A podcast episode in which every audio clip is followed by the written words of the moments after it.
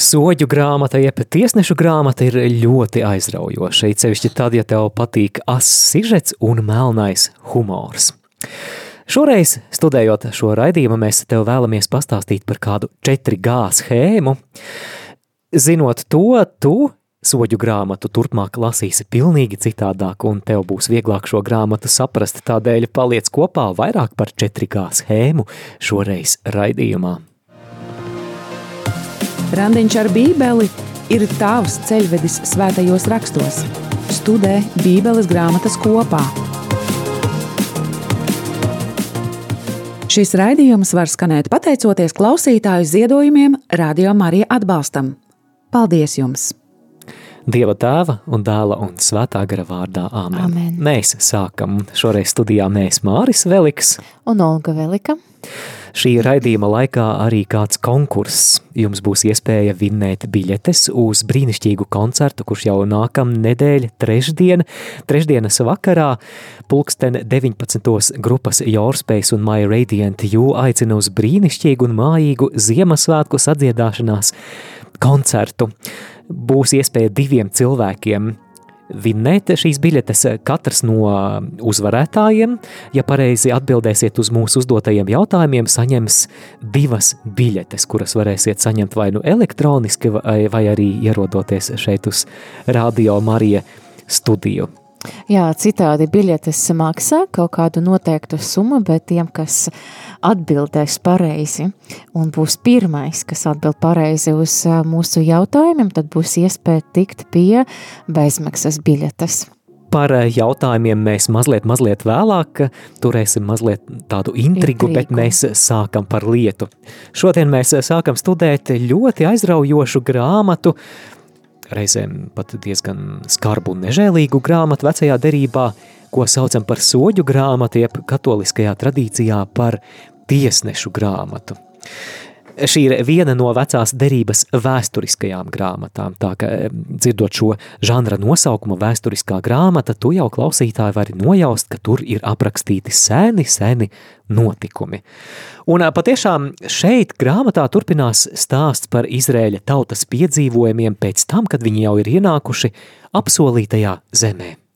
Iepriekšējā grāmata un iepriekšējā raidījuma, iepriekšējā grāmata pie Jozos grāmata, mēs lasījām par to, kā izvēlēta tauta ienāca apsolītajā zeme un viņus vadīja Jozo. Grāmatas noslēguma viņš aicināja arī būt uzticīgiem Dievam un pats teica, ka, bet es un mans nams mēs kalposim kungam. Jozo visbeidzot mirst un tieši šeit iesākas soķu grāmatā aprakstītā vēsture.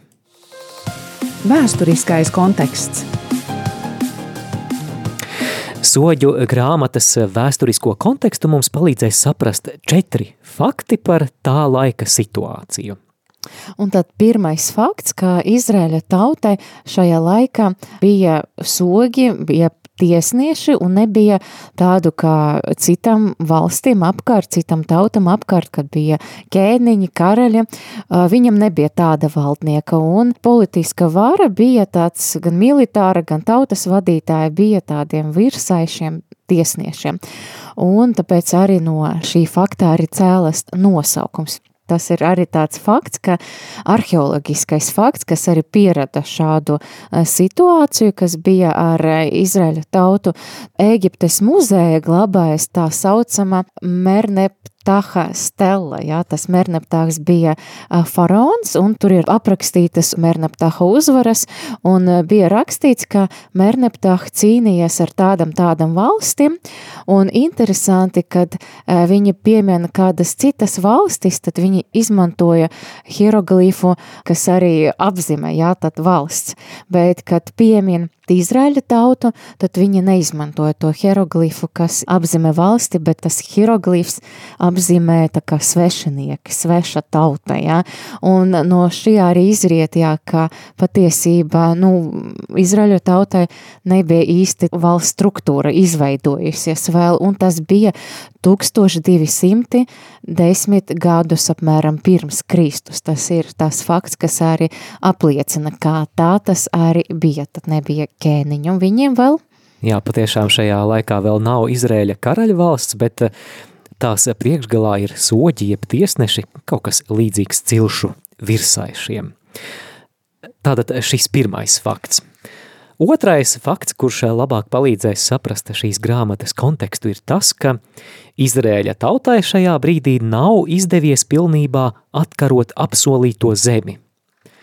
Mēs jau iepriekš Jozos grāmatā runājām par to, kā notiek apsolītās zemes atkarošana no kanāniešu tautām. Mēs atceramies par jērikas ieņemšanu, piemēram. Bet tagad soģu grāmatas pirmajā nodaļā mēs uzzinām, ka šī zemes iekarošana pilnībā nav izdevusies. Un ko tas nozīmē? Kāpēc tas ir svarīgi? Tas nozīmē, ka Izraēļa tautai tagad nākas dzīvot līdzās kanāniešu pagāniskajām tautām, un šeit slēpjas kāda bīstamība. Atcerēsimies, ka atkārtotā likuma grāmatā, ja 5. mūzes grāmatā, Mūzes bija kaut ko pavēlējis darīt, kad Izraēļa tauta ienāks apsolītajā zemē. Lasām atkārtotā likuma grāmatas 20. nodaļu no 17. panta.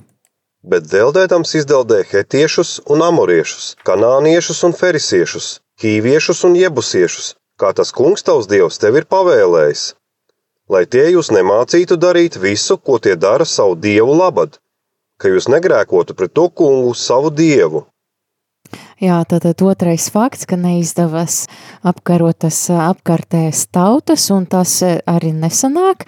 Bīstamība bija tā, ka Izraļa tauta var pazaudēt savu relīģiju, savu identitāti, ka viņi skatīsies uz tām apkārtējām tautam, kas praktizē paganismu, un starp citu arī bērnu upurēšanu, arī dievībam dažām, un tas ir, nu var teikt, lamatas Izraļa tautai. Jā, patiešām, kā jau minēju, soģu grāmatas pirmajā nodaļā uzskaitītas šīs neveiksmes, ka kaut ko viņi ir darījuši, bet ne līdz galam neveiksmes kanāniešu padzīšanā. Un, un šis fakts klausītājiem jau ļauj nojaust, kam jānotiek tālāk šajā grāmatā.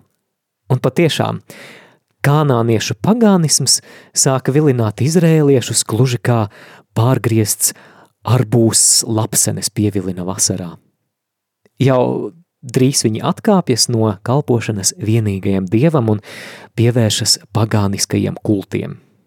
Tātad trešais fakts, tātad arī vēsturiskajam kontekstam, mēs runājam par tādu principu 4G. Vāri, vai tam ir saistībā ar internetu? Nē, it nekādas saistības. Interneta vēl Nē. nebija. Nē. Vēsturisks Jā, fakts. tātad šajā grāmatā atkārtojas vairāk kārt noteikts cikls, ko mēs, lai vieglāk varētu iegaumēt, nosauksim par 4G principu, 4G ciklu. Tātad to raksturo četras lietas. Klausieties, grēks. Pirmais gā. Grūtības. Otrais gā. Gandarīšana. Trešais gā. Un glābšana. Ceturtais gā. Vispārreizi četri gā. Jā, tātad četri gā. Jā, sāksim ar mazliet sīkāk par katru. Vispirms grēks. Izrēļa tauta novēršas no dieva un sāk pielūgt svešus dievus, un kas gan tas ir cits, ja ne smags grēks pret pirmo bausli.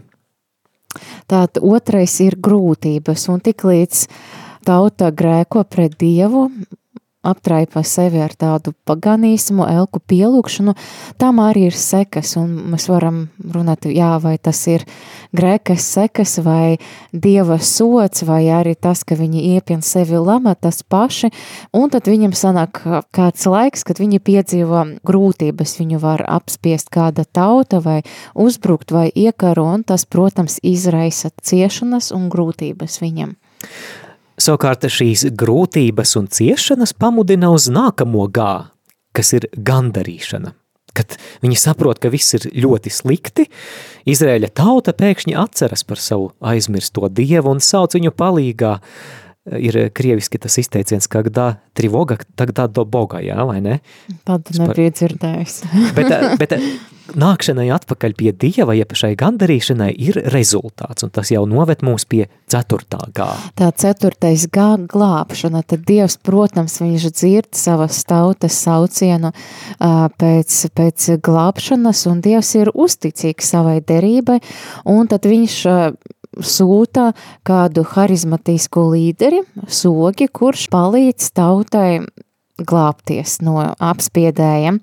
Un pēc tam, kad viņš palīdz viņam, tad ir miers kādu laiku, un tik līdz atkal seko labklājības posms, tad atkal izredzēto tautu vilina tie pagānu elki, un tad viņa atkal sāk staigāt to savu vecu ceļu, un tas viss atkārtojas no jauna un jauna.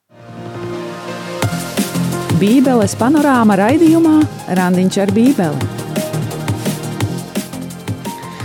Nu pat runājām par 4G principu, tātad uh, grēks, grūtības, gandarīšana un glābšana.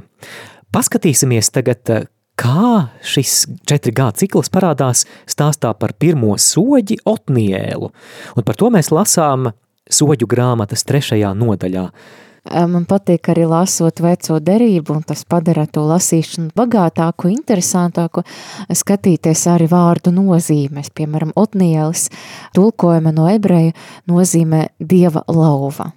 Tātad Otnielis kā pirmais soģis Izrēļa tautā, un paskatīsimies, kā viņa laikā notiek šis 4G cikls. Vispirms tātad pirmais elements ir grēks, un mēs lasām trešo nodaļu no 5. līdz 7. pantam un Izraēla bērni dzīvoja kanāniešu, hetiešu, amoriešu, ferisiešu, hīviešu un jebusiešu vidū, un tie sev ņēma viņu meitas par sievām un deva savas meitas viņu dēliem un kalpoja viņu dieviem.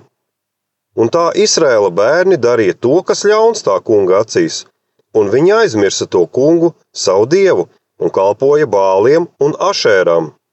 Tātad mēs dzirdējām, ka Izrēļa tauta sapreces ar vietējām tautām un sāk kalpot bālam un aštartei, kanāniešu dievībai. Nav labi. Kas ir rezultāts? Un rezultāta ir tas otrais gan grūtības.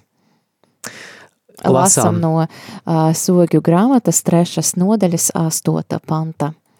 Tad tā kunga dusmas iedegās pār Izrēlu, un viņš tos nodeva Kušana Rišatājuma rokā, kas bija Mezopotāmijas ķēniņš, un Izrēla bērni kalpoja Kušam Rišatājumam astoņus gadus.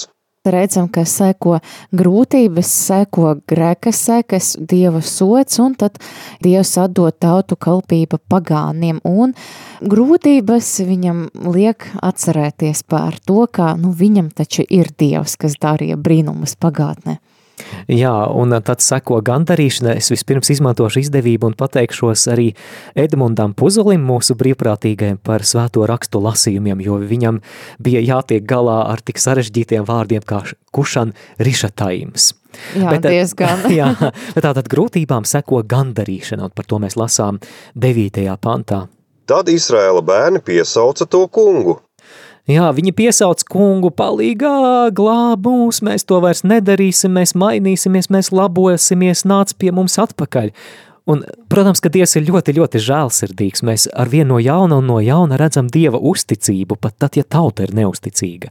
Dievs uzklausa un seko glābšana. Turpinām lasīt. Un tas kungs lika celties no Izraēla bērniem glābējam, Otnielam, Kāleba jaunākā brāļa Kenasa dēlam, kas tos izglāba, un tā kunga gars tika viņam dots, viņš bija soģis Izrēlā, un viņš izgāja karot, un tas kungs nodeva viņa rokā kušana rišatājumu, Mezopotāmijas ķēniņu, un viņa rokas smagi uzgūlās kušana rišatājumam. Tad zemē bija miers 40 gadus, tad Otniels Kenasa dēls nomira, Jā, tad Dievs uzklausīja tautas saucienu pēc glābšanas un sūtīja sogi Otnielu. Bija miers tad 40 gadus un atkal tad mēs redzam, ka princips 4G atkārtojas um, atkal. To mēs redzēsim stāstos par nākamajiem soģiem, bet ir laiks pieminēt vēl ceturto faktu, kas tev palīdzēs labāk saprast soģu grāmatu. Un ceturtais fakts, kas jāņem vērā lasot soļu grāmatu. Šajā grāmatā aprakstīta arvien dziļāka tautas morālā lejupslīde un atkrišana no Dieva. Un to mēs redzēsim turpmāko soļu piemēros, jo, jo tālāk, jo trakāk mēs redzēsim, un arī soļi izrādīsies morāli pagrimušāki, sliktāki. Ja pirmajam soģim Otnielam nav nevainas, nekas kompromitējošs arī nav, nav rakstīts par nākamo soģi Ehudu. Tur gan ir tāds melnās komēdijas stilā stāsts, ka Ehuda laikā Moābieši apspiež Izrēļa tautu, un tad Dievs sūta šo soģi Ehudu, un viņš, būdams krēlis, paņem apslēp zobenu, dodas pie šī Ehuda un saka, ka viņam kaut kas svarīgs ir sakāms. Jā, vajag pačukstēt viņam kaut ko mm -hmm. ausi. Jā, un, un tātad, tātad Moābiešu ķēniņš Eglons ir man kaut kā viegli iegaumēt, man ar aglonu saistās. Egla, eglons, egle. E, e, jā, ķēniņš eglons, un jā, man tev ir kas svarīgs sakāms, un, un viņš tad izvelk zobenu, šis soģis, Bet man tas eglons bija arī tas dušīgs. Saprot. Ļoti resns, jā, jā. ļoti resns vienkārši e, tauku bumba. Un um, tad, tad šis soģis Ehuds. Ehuds, jā, soģis Ehuds izrauj zobenu un iedur viņa resnajā vēderā zobenu, klusiņām aizver viņa durvis un ir prom. Un tad interesanti, ka šī ķēniņa Eglona kalpi pie durvīm gaida, kad tad Eglons ies nāc, nāks ārā, un tur ir rakstīts, ka viņi pat sakautrējās, domājot, ka Eglons atvieglo savu vēderu, nu proti, ka viņš sēž uz poda. Tas ir tāds bībeles melnais humors. Jā, un tad nākama, nākama vēl kāda varone, Debora, viņa ir nāk, nākamais sogis, tad sievietes arī varēja būt par sogiem. Viņa dodas kopā ar karavadoni Baraku, uzvara pār kanāniešu ģenerāli Sisturu. Šī uzvara iemužināta tā saucamajā Deboras dziesma, un izlasīsim fragmentu no sogju grāmatas piektas nodaļas no diviem, no otra līdz piektajam pantam. Ka Izraēla varenie valdīja, ka tauta devās karā brīvu prātu, par to slavējiet to kungu. Klausieties, ķēniņi, lieciet vērā lielkungi, es dziedāšu tam kungam, es gribu spēlēt tam kungam, Izraēla dievam. Kungs, kad tu iznāci no Seīra, kad tu izgāji no Edomas laukiem, tad zeme drebēja savos pamatos, tad arī debesis pārplūda, mākoņiem gāžoties zemē. Kalni salīgojās tā kunga priekšā, pats Sinaja kalns, tā kunga Izrēla dieva priekšā. Debora un pirmie sogi diezgan, nu, man šķiet pat iedvesmo, jā, tu lasi šo grāmatu un liekas, ka, wow, cik interesanti stāsti, cik viņam tie cēli mērķi un ka viņi, būdami vieni, kā viņi var uzmundrināt tautu un atkal vēst pie Dieva un ļoti iedvesmojuši, ka viens cilvēks tiešām ar Dieva spēku var kaut ko mainīt savai, savas tautas laba, bet uh, atcerēsimies, protams, par to 4G principu, grēks, grūtības, gandarīšana un glābšana, bet jo tālāk lāsam, jo tie sogi arī paliek tādi degradētāki. Jā, un sastajā nodaļā mēs lasām par nākamo soģi Gideonu, kuram jau parādīsies arī kādas rakstura problēmas par to pēc īsa brītiņa. Ceļojums cauri Bībelei raidījumā Randiņš ar Bībeli. Gideona iesākums ir ļoti cerīgs, bet beigas bēdīgas. Gideona laikā Izrēļa tautu apspiež midiānieši, un Dievs caur eņģeli aicina Gideonu atbrīvot tautu, lasām 6. nodaļu 12. pantu. Un tā kunga eņģelis viņam parādījās un sacīja, tas kungs ir ar tevi, tu stiprais varenais vīrs. Gideons atgādina eņģeļa sveicienu Marija, kungs ir ar tevi. jā, jā, tiešām kungs ir ar tevi, skaisti. Wow, nebiju pamanījis, bet, bet Gideons aizbildinās, ka viņš ir no visnabadzīgākās dzimtas savā ciltī, viņš ir pats sīkākais savā ģimenē. Bet viņš sacīja, piedod man mans kungs, ar ko lai es izglābu Izrēlu? Redzi, mana dzimta ir nabagākā manasē, bet es pats esmu jaunākais sava tēva namā. Iedomājies, Dievs tevi aicina, un tu saki, jā, bet tu taču nezini, vē, vē, vē, es jau nekas neesmu, man nav augstākās izglītības, es jau, man Nepabeidzu, jau, varbūt jā, ne, nepabeigta tur kaut kāda izglītība, man nav tā un tā talanta, es nemāku runāt, es neesmu mācījies rarzī, ko vēl var izdomāt? Nekalpoju rādiem arī par brīvprātīgu. Jā, jā, man vispār nav nekādas pieredzes, man dzimtā nav nekādu slavenību, es jau neesmu nekāds priesteris vai mācītājs vai konsekrētā persona. Bet eh, līdzīgi mēs lasīsim Kēniņš Sauls arī līdzīgi aizbildinājis, bet nu, to tālāk mēs mm -hmm. redzēsim. Jā, lūk, tāda mūsu ievainotās cilvēcības problēma, ka mēs bieži neticam sev pat tad, ja Dievs mums uzticās. Un varbūt tā arī bija viņa problēma tālāk. Jā, patiešām, vai šādas šaubas nav pazīstamas arī mūsu dzīvē, arī mēs varbūt meklējam aizbildinājumus un pamatojam, kāpēc jau Dievs mani nelietos, kāpēc man, piemēram, nenākt kalpot kā brīvprātīgajam uz radio Marija vai kaut kur zupas virtuvē. Bet Dievs Gideonu iedrošina – Tāpēc, ka es būšu ar tevi, tu sakausi Midiānu kā vienu vienīgu vīru. Jā, tad, tad Dievs apsola, ka viņš būs ar viņu, un Gideona vadība Dievs tiešām atbrīvo tautu no midiāniešiem, un sākumā Gideons sapulcina lielu karapulku cīņai, bet pēc tam notiek kaut kas neparasts. Dievs viņam liek izdarīt tā, lai viņam būtu ļoti maz karapulks, tikai 300 vīri, un kāpēc Dievs to darīja? Lai liktu saprast, ka cīnas Dievs, nevis Gideons ar karapulka, ka tas ir kunga karš un ka Dievs ir tas, kas palīdz, un ka viņš ir uzticams un cīna savas tautas puse. Un, protams, ja būtu liels karapulks, tad viņi nu, pierakstītu, varbūt padomā, tā kā, nu, nu viņi jau paši cīnījies un viss labi, bet 300 vīri, viņi sakavā tad Midiānu un Dievs viņus glāba. Tomēr turpinājums Gideona stāstam vairs nav tik spošs kā sākums. Atklājas nopietni personības trūkumi. Mēs lasām, ka Gideons noslaktē kādu izrēliešu pilsētu, tātad savus brāļus, ja tā var teikt, tikai par to, ka viņi atteicās iet kaujā kopā ar Gideonu. Un visbeidzot, kas ir bēdīgi, Gideons darina efodu, ko tautai pielūgt. Tātad viņš, būdams tautas soģis, veicina tautas atkrišanu no dieva kas ir bēdīgi. Bet eh, pirms mēs turpinām par eh, nākamajiem soģiem un kā tad viņiem veicās, mēs tagad jau varētu arī konkursā jautājumu kādu uzdot pēc džingla. Pirmo jautājumu. Pirmais jautājums, Pirmais jautājums. Jā. Tavā radioaparātā raidījums Randiņš ar bībeli. Atgādinām, ka jau Trešdien, 20. decembrī, 7. vakarā Rīgā Lāčplēša ielā, tur, kur ir baptistu seminārs, notiks brīnišķīgs un mājīgs Ziemassvētku koncerts. Kopā muzicēs grupas Your Space un My Radiant You. Mēs pagājuši gadu vai pirms kāda laika Pagājuši mēs bijām. Mēs bijām jā, jā, mēs bijām. Ļoti jauks koncerts un tagad kādam no jums klausītāji ir iespēja tikt savā īpašumā pie divām brīvbiļetēm. Tad, ja, jūs, ja mēs varēsim jums to elektroniski nosūtīt, vai arī jūs varēsiet atnākt uz rādio.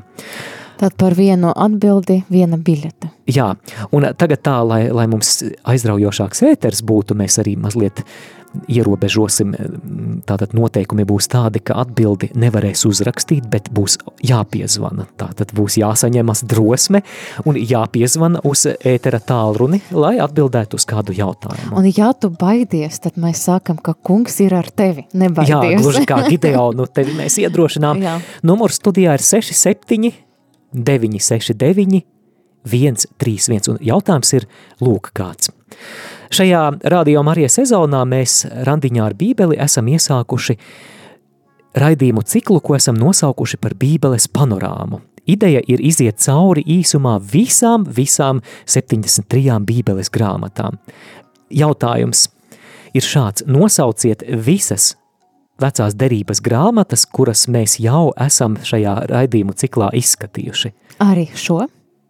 Nu, jā, nu, tad, nu, tas ir pašsaprotami. Šis ir raidījums par soļu grāmatu. Varat pieminēt, protams, bet mūs šobrīd interesē, kuras grāmatas mēs pirms tam jau esam aplūkojuši, un to tā. nav nemaz tik daudz, tā ka Jā. jautājums nav īstenībā Un patiesība grūts. raidījuma sākuma jau bija tāds palīdzība jums, es jau pieminēju. Vienu grāmatu jau vienu pieminēju, grāmatu jā. pieminēju, iepriekšējo grāmatu, tad telefona numurs studijas 67 969 131. Nu, ceram, ka biļeta tiks pie kāda cilvēka. Gaidam jūsu atbildes.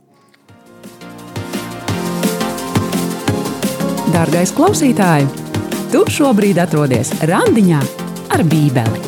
Studijā Māris un Olga Veliki.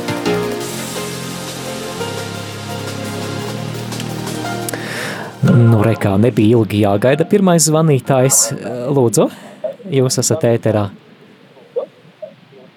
Nu, jūs esat izskatījuši visas mūsu grāmatas un vēl Jozovā.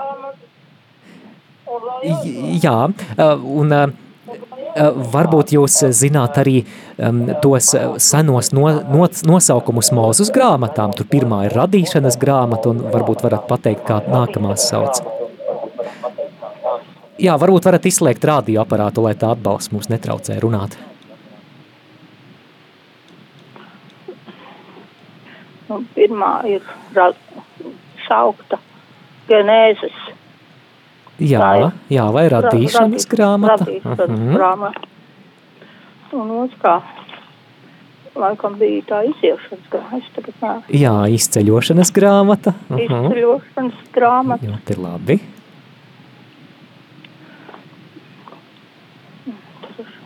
Ar L burtu sākas Le.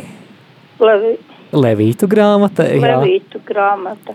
Tad par, par ceturto mēdz jokot, ka tā ir grāmatvežu un matemātiķu mīļākā grāmata. Kas tā varētu būt?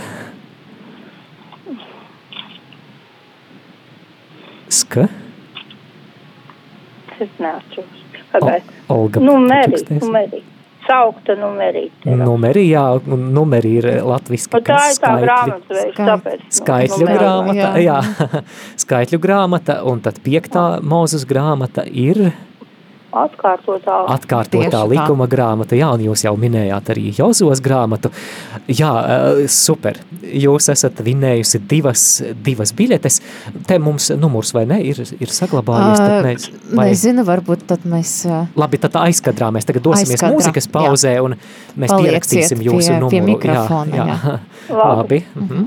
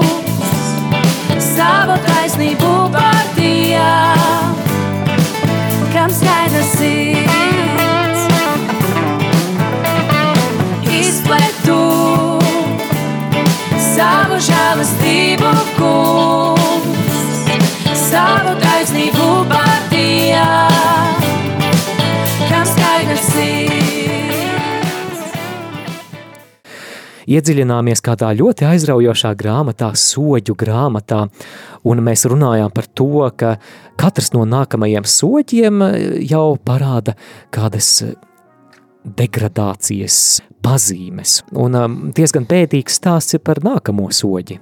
Jā, mēs redzam jau pamazam, pamazam tie sogi kļūst tādi uh, Tie krīt, jā, un nākamais sogis ir Jefte. Mēs par to lasām 11. nodaļa, un Jefte atgādina tādu mežonīgu klaidoņu bandas vadoni. Viņš karo ar amoniešiem, un viņš kļūs par vadoni. Un Jefte, kad dodas kara pret amoniešiem, kaut ko apsola Dievam, ja viņa vadība viņa uzvarēs. Un šis apsolījums patiesībā izraisīs bētīgas sekas. Klausāmies, ko tad viņš apsola Dievam. Un Jefta deva solījumu tam kungam, un viņš sacīja, ja tu tiešām nodosi Āmona bērnus manā rokā, tad lai notiek, ka tas, kas kā pirmais iznāks no mana nama durvīm man pretīm, kad es vesels atgriezīšos no cīņas ar Āmona bērniem, lai tad pieder tam kungam, un es to upurēšu kā dedzināmo upuri. Šausmas. Jefte ir gatavs dievam par uzvaru pār amoniešiem upurēt kādu no savas ģimenes locekļiem, un par ko tas liecina, ka, nu, Jeftes dieva tēls neatšķirās īsti no, no tā pagānu dieva tēla, kas bija upurējuši savus bērnus arī tam visam dievībam. Un lūk, kas notiek, kad Jefte atgriežas mājās ar uzvaru pār amoniešiem. Kad Jefta atgriezās uz Mitspu savā namā, redzi, tad viņa meita iznāca viņam pretī ar rokas bungām un dēļas solīti. Un viņa bija tā vienīgais bērns, un bez tās viņam nebija ne dēlu, ne meitas. Un notika tik līdz viņš to ieraudzīja, viņš saplēsa savas drēbes un sauca: Ak, mana meita, tu mani laustini salauzi! Kāpēc tieši tev tai jābūt, kas mani apbēdina? Bet es esmu atvēris savu muti pret to kungu, un es tagad vairs nespēju atkāpties. Jā, nu, bēdīgi, ļoti bēdīgi. Viņš upurē savu meitu. Es atgādinu, ka viena no soļu grāmatas tēmām ir tautas morālā lejupslīde, un lūk, kas notiek, kad cilvēks arvien attālinās no patiesā dieva izpratnes. Arī viens no pēdējiem nākamiem sogiem, kas ir aprakstīti sogju grāmata, ir Samsons. Un patiesībā, lasot par Samsonu, nu man šķiet, ka tas ir visjocīgākais bībeles varonis. Es, kad lasu šo grāmatu, es nesaprotu pilnīgi, uh, lasot šo grāmatu, domāju, nu, nu, kā var tā būt? Viņš ir sogis, viņš ir Dieva izredzēts, un arī uh, viņa dzimšana bija tāda ļoti tāda zīmīga nu, atgādina Jāņa Kristītāja dzimšanu. Un viņš patiesībā ir tāds vārens spēka vīrs, kurš arī cīnas pret tautas um, apspiedējiem filistiešam, un tomēr redzam, ka Samsons ar tādu ļoti jocīgu un apšaubāmu raksturu, un ka viņš ir patiesībā lielākoties pats vainīgs pie kaut kādam savam problēmam tāds gaisa grābslis. Samsona vecāki jau kopš bērnības bija veltījuši dievam kā nazīrieti. Un Tas te, bija eņģeļā arī tāds, tāds pavēle. Jā, tātad kā nazīrieti, un te ir jāapstājas un jāpaskaidro, ko vecajā derībā nazīrieši nozīmēja. Būt par nazīrieti vecajā derībā nozīmēja būt īpaši veltītam dievam. Mums mūsdienās baznīcā ir konsekrētās personas, uh, kaut kas līdzīgs, bet tikai atšķirība ir tā, ka konsekrētās personas sevi veltīja dievam uz visu mūžu, savukārt nazīrieši pārsvarā sevi veltīja dievam uz noteiktu laiku. Un lūk, ko nazir, nazirietis apņemas darīt. Tad nelietot alkoholu, neapgriezt matus un nepieskarties miruša ķermenim. Bet ironija stāstā par Samsonu ir tā, ka viņš būdams nazīrietis pārkāpj visu, ko vien nazīrietis var pārkāpt. 14. nodaļā Samsons sarīko lielas dzīres, kas visdrīzāk liecina, ka tur tika lietots alkohols, ko nazīrieši negrib, nedrīkstēja darīt. Tad Samsons mēs lasām arī, ka ēd bišu medu no beigtas lauvas skeleta. Lauvu viņš arī nogalināja. Jā, un atceries par aizliegumu pieskarties mironim. Un arī dot saviem vecākiem to medu, viņam nezinot. Jā, un visbeidzot 16. nodaļā Samsons pieļauj, ka viņa garie mati tiek apgriezti, atkal atceries par aizliegumu nazīriešiem apgriezt savus matus, kas bija veltīšanās zīme dievam. Un Samsons ir īsts brunču mednieks. Tāds meitu ģēģeris. Viņš viegli iekāra un skrien pakaļ sievietēm, zaudējot savu prātu ļoti pārgalvīga, impulsīva persona, kas nu it nemaz neatbilst nazīrieša jeb konsekrētā tēlam. Un viņš iemīlas sākumā viena cita filistiešu sieviete, un tad, tad viņš iemīlas kāda sieviete arī Delīla, un nonāk arī ļoti stipri viņas ietekme, un filistiešu uzdevuma tā sieviete Delīla vai Dalīla dažos tulkojumus, viņai mēģina izvilināt no Samsona šo noslēpumu, jo Samsons bija ļoti, ļoti, ļoti spēcīgs, nu pārdabiski spēcīgs, un bija rakstīts, ka par viņu nāca svētais gars, un viņam tas spēks spēks eh, tad izpaudās un, un viņa mēģina izvilināt šo noslēpumu. Lasām 16. nodaļu, 17. pantu. Un viņš pateica tai visu, kas vien viņam bija uz sirds, un izstāstīja, skujamais nazis nekad nav nācis pār manu galvu, jo es esmu nazīrietis, novēlēts dievam no pašas dzimšanas. Ja manus matus nocirtu, tad mans spēks man tiktu atņemts, un es taptu vājš un kļūtu kā katrs cilvēks. Jā, un šeit uh, varbūt ne, nedrīkst uzskatīt, ka tā ir kaut kāda maģiska tāda lieta, tie māti un kā mātos slēpjas spēks, un, bet visdrīzāk tas, ka viņš bija veltījies Dievam, tas ir bija, tas bija viņa spēka tas noslēpums, un, un filistiešiem tikai vajadzētu uzzināt, tad viņa apgriež šos matus, un tāds spēka vīrs tiek padarīts par nespēcīgu. Samsons ir bēdīgs piemērs tam, ka pat Izrēļa tautas soģi, kuriem, kā tautas vadoņiem bija jābūt arī morālai priekšzīmē, kā tautas vadītājiem, piedzīvoja degradāciju. Dārgais klausītāj, tu šobrīd atrodies randiņā ar bībeli. Studijā Māris un Olga Veliki.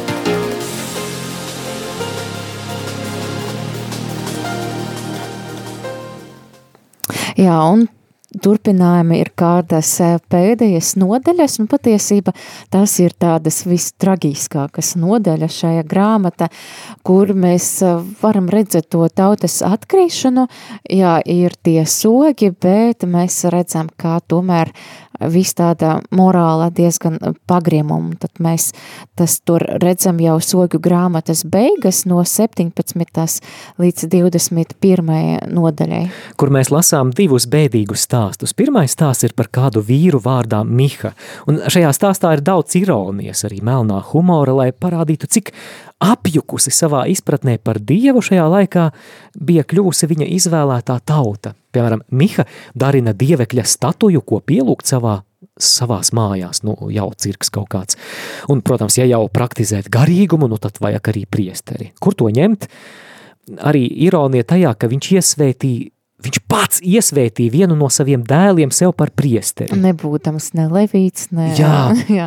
kaut kāds sviests, bet ilgi tam dēlam nesanāk kalpot par priesteri, jo viņš atrod labāku, Miha atrod labāku variantu. Tur ir kāds levīts, un mēs zinām, ka levītiem bija uzticētas uh, kalpošanas lietas derības teltī, vēlāk Jeruzalemes templī, nu, tad Levīts noteikti būs labāks priesteris. Un viņš aicina šo Levītu kļūt viņam par personisko priesteri. Un kalpotiem Kalpot, dievekļiem. Jā, tiem dievekļiem. Turklāt viņš vēl pats, atkal pats Miha to Levītu iesvētīja.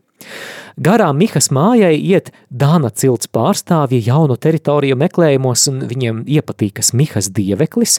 Viņi nozog šo Mihas dievekli un arī aicina to priesteri, priesteri Levītu sekot viņiem līdzi, ko šis priesteris Levīts arī izdara, jo acīm redzot kalpot kā priesterim veselai Izrēļa ciltī ir prestižāk nekā būt par privāto priesteri pie viena saimnieka.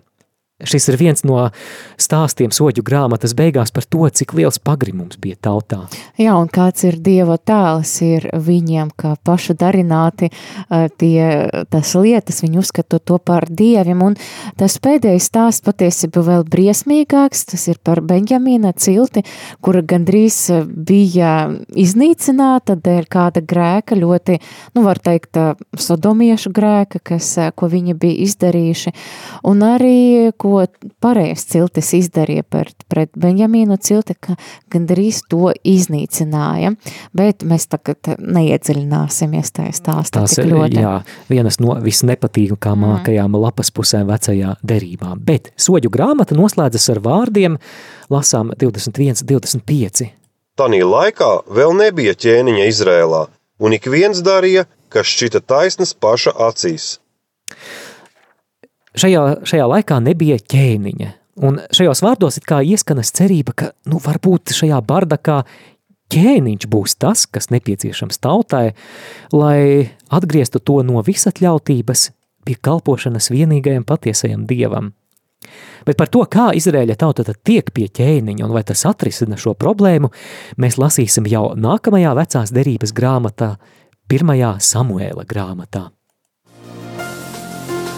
Apslēptais Kristus. Bībele ir vienots stāsts, kas mūs ved pie Kristus, un arī soģu grāmata ir daļa no šī vienotā stāstījuma, kas mūs sagatavo Kristus atnākšanai. Un, lai gan tiešā veidā mēs šajā grāmatā neatrodam kādu Kristus priekštēlu, bet eh, šī grāmata runā par to, kāpēc tad cilvēcei bija vajadzīgs pestītājs, kāds tas bija Jēzus Kristus. Stāsts ir par cilvēka sirds samaitātību, kas sākas jau ēdenes dārzā, radīšanas grāmatas trešajā nodaļā, un šis grēka traips pavada cilvēci līdz pat šim brīdim, visas šīs negācijas, viss šis grēks, sajukums, neticība, elgdievība, apjukums, zvērības, kas notiek soģu laikā, tas viss nāk ārā no šīs cilvēka samaitātās sirds, kas mums parāda to, ka cilvēcē ir vajadzīgs pestītājs. Un pirmkārt nevis militārs pestītājs, kas to atbrīvotu no kanāniešu tautām vai citiem politiskiem un militāriem ienaidniekiem, bet tāds pestītājs, kurš pārveidotu mūsu nocietinātās sirdis un tā dotu mums jaunas, dzīvas sirdis, kuras ir atvērtas kalpošanai Dievam. Un tieši šāds pestītājs jaunajā derībā ir Jēzus Kristus. Arī runājot par Deboru, par to sogi, kas bija, kas palīdzēja satriekt tā ienaidnieku, tad tur ir kāds priekštēls Marijai. Un sieviete, kā, kāda sieviete vārda? Jāela, kas satriec Izraēla ienaidnieka armijas karavādoņa galvu ar letālu triecienu.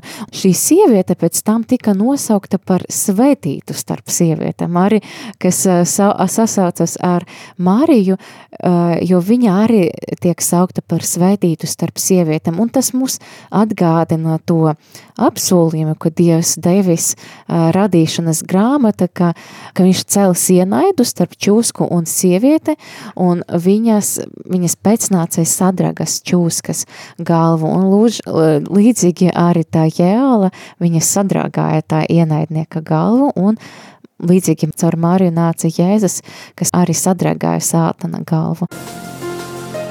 Nedēļas doma – Nedēļas domā mēs mēģinām atrast kādu lietu, ko mēs no šīs bībeles grāmatas varam paņemt pārdomāšanai un arī īstenošanai savā dzīvē.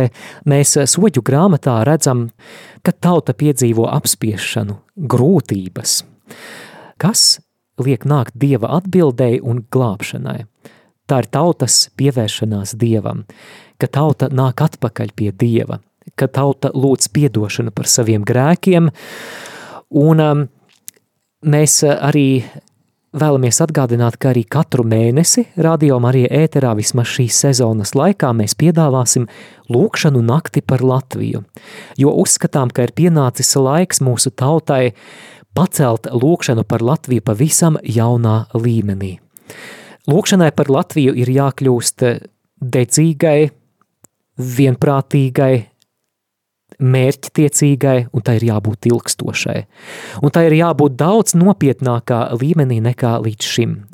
Ir tas laiks, kad vairs nepietiek mums nec ar īsu aizlūgumiņu mises vispārējos, uh, aizlūgumos vai ar eh, ekumenisko dievkalpojumu 18. novembrī. Tas viss ir labi, bet, eh, bet šis ir laiks, kad Latvija piedzīvo dažādus izaicinājumus, par ko iepriekš jau esam runājuši – demogrāfijā, mūsu valsts drošībā, eh, vērtībās, mūsu atkrišanā no Dieva, tas, ka baznīcu soli kļūst tukšāki un Un nedomājiet, ka to visu var tikai atrisināt ar cilvēciskām pūlēm. Ja kungs nesargā namu, tad velti sargs nomodā. Un tiešām mēs varam paskatīties arī uz savu to personisko atbildību, vai es lūdzu, vai es eh, arī mudinu citus lūgt, vai es lūdzu par to arī uh, sava, sava grupiņa. Un arī tas uh, pašai man ir arī aicinājums un varbūt arī kādreiz arī pasūtīt svēto misiju, par ko vienkārši par Latviju.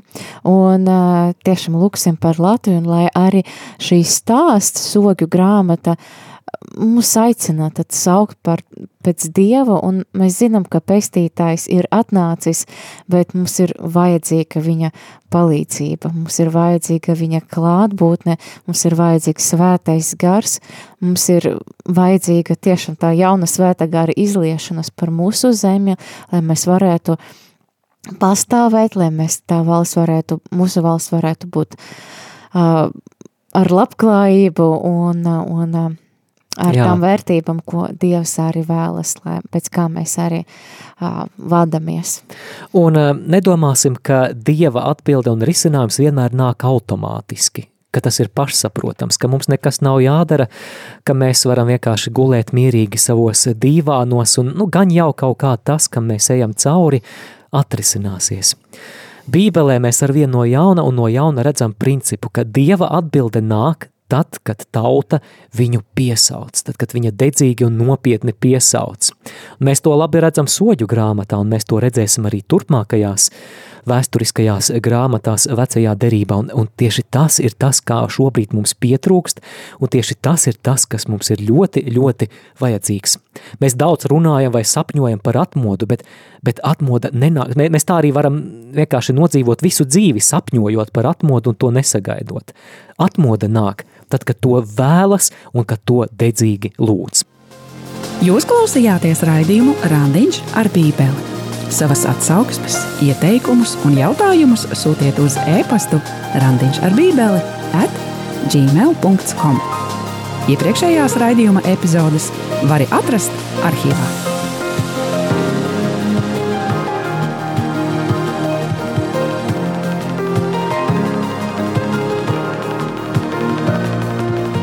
Raidījums varēja izskanēt pateicoties klausītāju ziedojumiem, Radio Mārija atbalstam. Paldies jums!